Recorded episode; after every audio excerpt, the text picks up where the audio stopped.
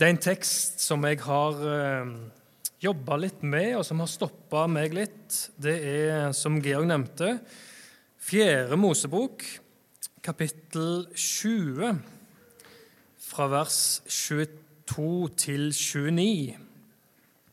Og det er faktisk et dødsfall. Det er litt rart at vi skal komme på møte og så høre en fortelling om et dødsfall, men det er et dødsfall om Aron som dør, som ble henta hjem skal vi lese den i lag. Fjerde Mosebok 20, fra vers 22 til 29. I Jesu navn. Så brøt de opp fra Kadesh, og Israels barn, hele menigheten, kom til fjellet Hor. Herren sa til Moses og Aron ved fjellet Hor, på grensen til Edoms land:" Aron skal samles til sine fedre. Han skal ikke komme inn i det landet jeg har gitt Israels barn, fordi dere var ulydige mot mitt ord ved Meribas vann. Ta Aron og Eliaser, hans sønn, og før dem opp på fjellet Hor. Ta av Aron hans klær, og la Eliaser, hans sønn, ta dem på. Så skal Aron samles til sine fedre og dø der. Og Moses gjorde som Herren hadde befalt. De gikk opp på fjellet Hor for hele menighetens øyne. Og Moses tok av Aron klærne hans og lot Eliaser, sønnen hans, ta dem på. Og Aron døde der på toppen av fjellet, mens Moses og Eliaser steg ned fra fjellet. Da hele menigheten så at Aron var død, gråt hele Israels hus over Aron i 30 dager. Skal vi be. Takk, Jesus, for at vi skal få lov til å samles til møte med forsamlingen, der vi kan lovsynge deg, prise deg og be til deg, Jesus. Lese ordet ditt. Så ber vi for eh, denne stunden her, Jesus, om at du nå kan få lov til å komme nær til de som er på søndagsskolen, og kommer nær til oss som er samla her, der vi ønsker at ordet ditt skal få lov til å trenge inn i våre hjerter, inn i våre liv og inn i vår tanke. Ordet ditt er hellig, ordet ditt er rent, og det er ordet ditt som gjør og holder oss på den rette veien. Vi ber om at du, Jesus, kan få lov til å bli stor i våre liv her og nå. I ditt gode navn ber vi. Amen. Ja, det er en uh, alvorlig tekst vi har lest. Jeg tenker litt sånn uh, påske. Nå er det noen uker siden vi har uh, eh, feira påske. Men der òg minnes vi jo nettopp om Jesus som, som død, og så sto opp igjen for våre synder, for vår skyld. Og her har vi lest om Aron som døde på et fjell. Og israelsfolket, det leser vi om i Mosebøkene, at de var på en vandring i 40 år i ørkenen. De hadde opplevd noe veldig stort i starten på den vandringen der. Rødehavet, store, den store sjøen, hadde delt seg i to. Så hadde de gått tørrskodd midt imellom der. Tre dager etterpå de hadde passert Rødehavet, så begynner noen å klage. De hadde ikke vann. De var kommet inn i en ørken, og de hadde ikke noen ting å drikke. Men det var litt rart at liksom allerede etter tre dager etter å ha opplevd noe så stort, så begynte de altså å klage. Heldigvis tror jeg vi kan si at de de visste ikke at de neste 40 åra skulle de tilbringe i denne ørkenen når de begynte å klage etter tre dager. Klagerne måtte dø ut før de kom inn i det lovede land. Det var liksom den nye generasjonen som skulle innta landet. Bare Josva og Caleb, disse to speiderne, var det liksom som fikk lov til å være med inn der blant den nye generasjonen. Og Aron, da, han var jo egentlig ikke noen av disse klagerne. Han var jo Moses sin stødige høyre hånd.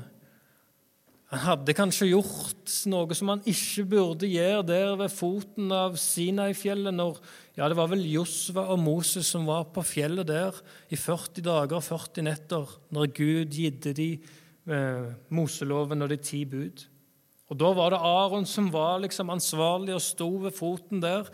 Om de klarte liksom å overtale han eller klarte å lure han, Han hadde iallfall gitt de lov til å smelle sammen alt de hadde av gullringer og alt som kunne skinne. Så lagde de denne gullkalven her. Så det var liksom Aron sitt sin, sin synd eller Aron sitt eh, feilskjær. Men stort sett så hadde han stått trofast ved Moses i høyre hånd. Men vi leser tidligere i eh, dette kapittelet at det var om Moses og Aron si, si synd. Det var noe de gjorde der ved Meriba. For når de hadde sto der før, foran det lovede land, og før de skulle liksom innta det, så sendte de som sagt ut tolv speidere, der Josva og Kaleb var to. Og De var der i 40 dager og speida ut hele landet, der to av de var positive og ti av de var negative til å innta landet. Og De klagde og ville tilbake igjen til Egypt, og da svarer Gud der ved Meriba, der så de klaga og fikk vann ut av steinen. Dere skal vandre 40 år i ørkenen. Ett år for hver dag som speiderne utspeida landet. Så har de altså vært på vandring i 40 år, og nå i teksten vår som vi leste, så de kom tilbake igjen til utgangspunktet der som de før hadde stått 40 år tidligere. Og der hadde Moses og Aron stått med Meriba, så hadde de slått med stokken, så hadde vannet kommet ut fra Meriba-klippen der. Og I starten av dette kapittelet så kan du lese at de på ny klager igjen der ved Meriba. Og Så går Moses og Aron fram med stokken, og så sier Gud dere skal tale til klippa, og så kommer vannet ut. Og Så husket nok både Moses og Aron det som de hadde gjort 40 år tidligere, da de hadde slått. Og Så slo de og talte, så kom vannet ut. Men så var det deres synd, at de både slo at de slo med stokken, og ikke bare talte til klippa. Og Dette er altså grunnen for at Aron nå skulle samles hjem til sine fedre. Fordi dere var ulydige mot mitt ord ved Meribas vann. Og vers 25.: Ta Aron og Eliaser, hans sønn, og før dem opp på fjellet Hor. Ta av Aron hans klær, og la Eliaser, hans sønn, ta dem på. Så skal Aron samles til sine fedre og dø der. Det må ha vært en veldig spesiell beskjed for Moses å få. Han som hadde møtt Gud i den brennende tornebusken i 2. Mosebok kapittel 3. Han som hadde kommet med unnskyldning og sagt jeg, jeg kan ikke være leder, jeg kan ikke tale, jeg trenger hjelp. Og Så hadde Gud gitt han storebroren sin Aron hans høyre hånd. Og så hadde de to vært et fungerende team gjennom hele denne tida her. Og nå får Moses beskjed at din høyre hånd, broren din, han skal reise hjem, han skal bli henta hjem. Det må ha vært underlig for Moses å miste og høre budskapet om at han skal miste denne pilaren i livet sitt. De skulle gå opp på fjellet Hor, i grenselandet der ved Edoms land. Og Fjellet Hor, et fjell som du også finner i dag, 1600 meter høyt, det høyeste fjellet der i området, så du ser ganske langt ut, god utsikt. Og Der skulle Moses ta av prestekledninga til Aron, som var den første ypperste presten, og så var det Eliaser, sønnen til Aron, som skulle ta dem på. Og Det må ha vært en eh, spesiell opplevelse for disse tre karene som nå beveger seg opp gjennom fjellsida der. Fjellet var 1600 meter, men hva slags høyde de har starta på, det vet vi jo ikke. Men at de har gått noen meter, det, det må de jo ha gjort. Hva har liksom hva har fulgt atmosfæren når de har gått der, har jeg tenkt? Har de snakka i lag, disse tre? De visste jo godt liksom hva som var i vente. Da er det far og sønn og Moses, onkel, som går opp gjennom der. Har de, er det vært prega av stundens alvor?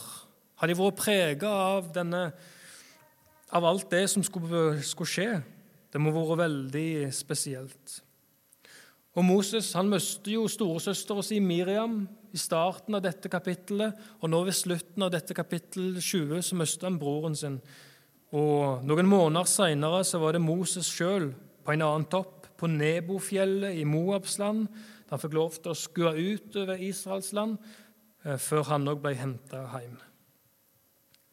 Så det er altså tre karer som beveger seg opp gjennom fjellet der. Så leste vi at mens de beveger seg opp, så står altså resten av israelsfolket, resten av menigheten, de står liksom på avstand. Og så bevitner de hele denne situasjonen. De står liksom bare så og beskuer det som, det som skjer, det som foregikk seg. Og det må, må ha vært veldig spesielt for de som sto der nede ved foten av fjellet. For i utgangspunktet så var det disse som sto ved foten av fjellet. Det var de som hadde klaga. De hadde klaga til Moses og Aron. De mangla vann. Og de hadde falt på sitt ansikt fram foran Gud, foran tabernaklet, da de bar fram denne fortvilelsen, da de bar, bar fram denne klagen. Og så gir Gud beskjed om at du skal tale til klipper, og så kommer vannet ut. Så går Moses og Aron fram, og så slår de, og så kommer vannet ut. Og så synder de mot Herren. De, de slo og ikke talte. Men det begynte altså eh, med en klage ifra folket. Og kanskje mens de ser på Aron og hans siste marsj opp gjennom fjellsida, så kanskje var det noen i israelsfolket som sto der nede med dårlig samvittighet. For hadde ikke vi vært så harde, hadde ikke vi vært så klagete, så hadde sannsynligvis ikke Aron heller tatt veien om fjellet denne dagen her. Du vet det at menneskelig sett så står du der nede ved foten av fjellet i lag med disse klagerne. Jeg, en klager tenker du. Preben, du eh, kjenner ikke meg, du kjenner ikke meg så godt. Det kan jo du ikke du vite. Jeg er jo så blid og jeg er jo så imøtekommende og jeg er så snill og grei med alle. og Jeg kan ikke bli sammenlignet med alle de som, som står nærme foten av fjellet og, og klager. La oss bruke ett minutt. La oss kort se hvem var det som sto der ved foten av fjellet? Hvem var disse klagerne? Hvem var disse av israelsfolket? Det hadde vært 430 år i Egypt, store deler av disse åra under pisken, slaveriet. Og når de ble ført ut i en ørken, så var det harde kår. Det var vanskelig. Det fortelles et sagn fra den samme tida som israelsfolket vandra ut. Mer enn én million mennesker som var 40 år i ørkenen. Så fortelles det om noen egyptere, egyptiske soldater som hadde rømt ifra farao. Ti stykk som hadde rømt ifra det harde livet, det å være en, en soldat i, i faraos hær. De hadde rømt inn i ørkenen. Og etter noen dager så kom de springende tilbake igjen til Egypt, for det var så forferdelig inn i ørkenen. Ingenting som vekste, ingenting som grodde, ingenting vann å finne. Og Så møter du et folk på én million mennesker som var 40 år i denne ørkenen her. Det kom manna ifra himmelen. Englebrød, sier Salmenes bok. Som datt ned, om det kom med fugler, eller om det kom med skyer som regn, eller hvordan det måtte ha vært. Så plukte de det seks dager i veka. Men på sabbaten, helligdagen, da skulle de ikke plukke det. Så var det noen som var litt lure. De, de trodde de var lure, så de prøvde å samle dobbelt på sabbaten. Men det råtna. Og de klaga til Moses når de ble lei av manna, av brødet. Så sa de vi vil ha kjøtt. Vi vil vi lei av dette her, vi vil tilbake inn til Egypt. Vi hadde det mye bedre i Egypt, i slaveriet der. Og Så faller Moses på sitt ansikt, og så skriker han. Han roper til Gud, og så sier han, 'Dette folket er altfor tungt for meg å bære.' Og så sier Gud noe merkelig. Han sier, 'Jeg skal gi dem så mye kjøtt at det skal tyte kjøtt ut av nesen på dem', sier Gud. Og så får de kjøtt De fikk manna, og så fikk de kjøtt. Og når de har fått kjøtt, så vil de ha fiken. Og når de hadde fått fiken, så ville de ha granatepler. Og når de ville ha, fikk granatepler, så ville de ha vintre. Og når de var tøste, så ville de ha vann. Så ville de stadig tilbake igjen til Egypt, der det var så veldig mye bedre. Og så står altså du, Preben, her på søndagsmøtet i, i Ølensvåg og sier at jeg er en som disse klagerne her. Det kan du umulig vite. Jo, jeg tror faktisk at jeg kanskje kan det, fordi jeg vet litt om hva som bor i mitt eget liv og i mitt eget indre og mitt eget hjerte. Og jeg vet det at du er smitta av samme sykdom som meg. Og Den heter ikke korona eller noe sånt, men den heter synd. Den kom inn ved syndefallet, og det er noe som vi aldri blir kvitt, som alle mennesker har med seg. Så vi står der, om vi vil eller ikke vil, så står vi der alle i lag med klagerne ved foten av fjellet og ser Han som går der. Ja, ser du Han som går der? Ser du Han som bar de synd? Ser du Han som bar det som et lyteløst lam som føres inn for å slaktes? Han bar sitt eget kors, han opplot ikke sin munn. Folket var ikke delaktig når Aron skulle dø. De sto på avstand og beskua det hele. Og der langs Via Dolorosa, fra Gabbata, fra Pilatus og opp til Golgata, så var det Jesus som vandra, og folket sto på avstand og var vitner. Og det er en mektig beskuelse. Korset, Jesus sitt kors som ble hengt på Golgata-høyden, på Golgata-fjellet, det kan ikke sammenlignes med noe annet i denne verden og denne verdenshistoriens gang. Disse klagerne de, ville, de ble aldri fornøyd. De ville alltid ha mer. Og Jeg har tenkt at det er litt sånn, litt sånn menneskelig, det er noe menneskelig i oss. For mange tenker som så at når blir du fornøyd?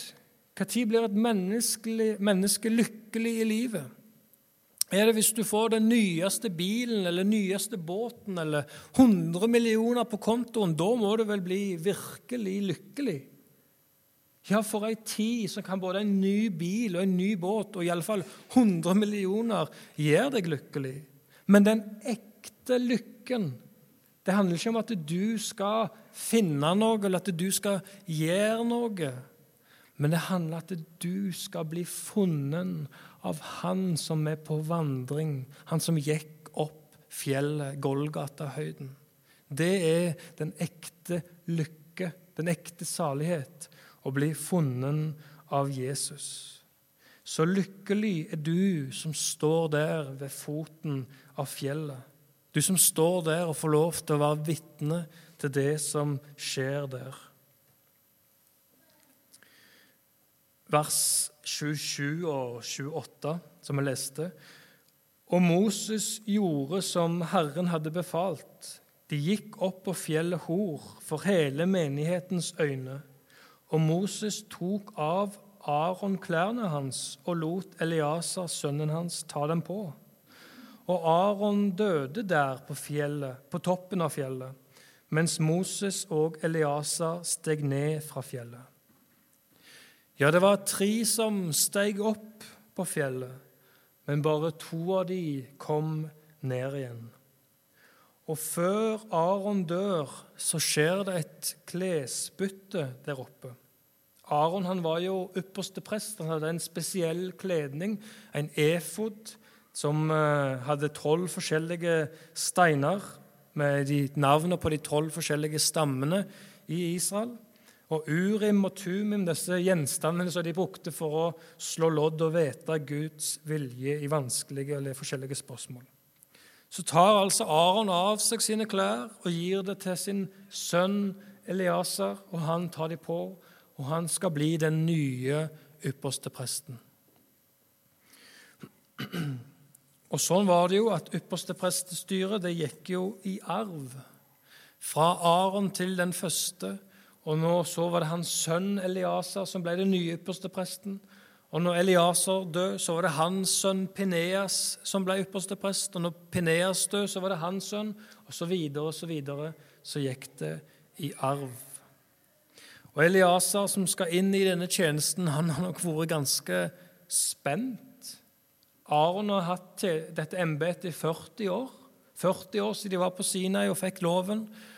Og nå skal altså sønnen hans tre inn.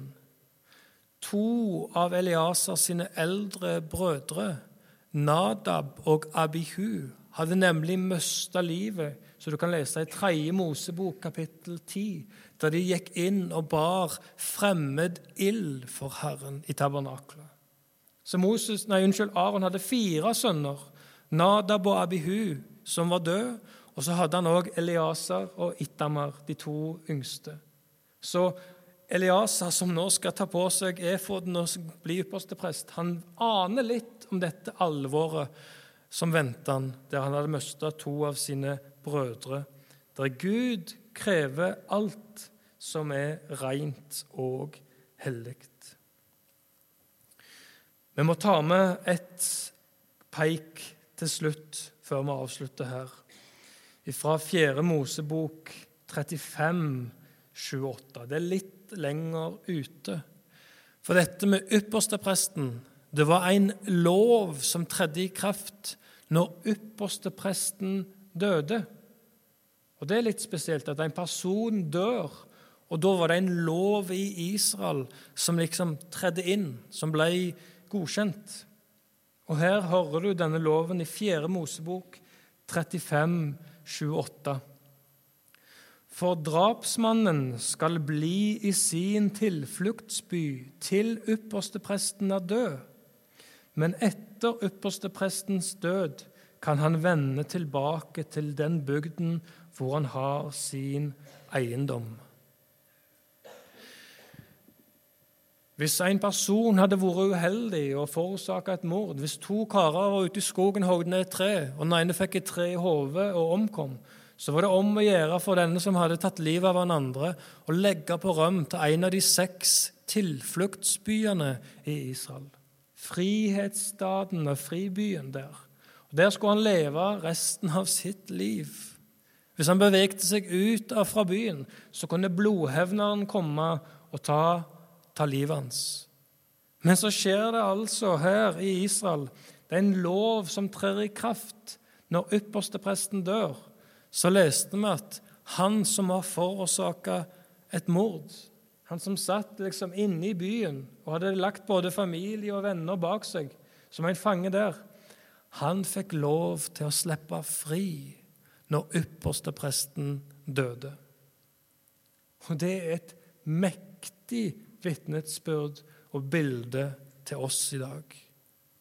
For Jesus Kristus er din og min ypperste prest.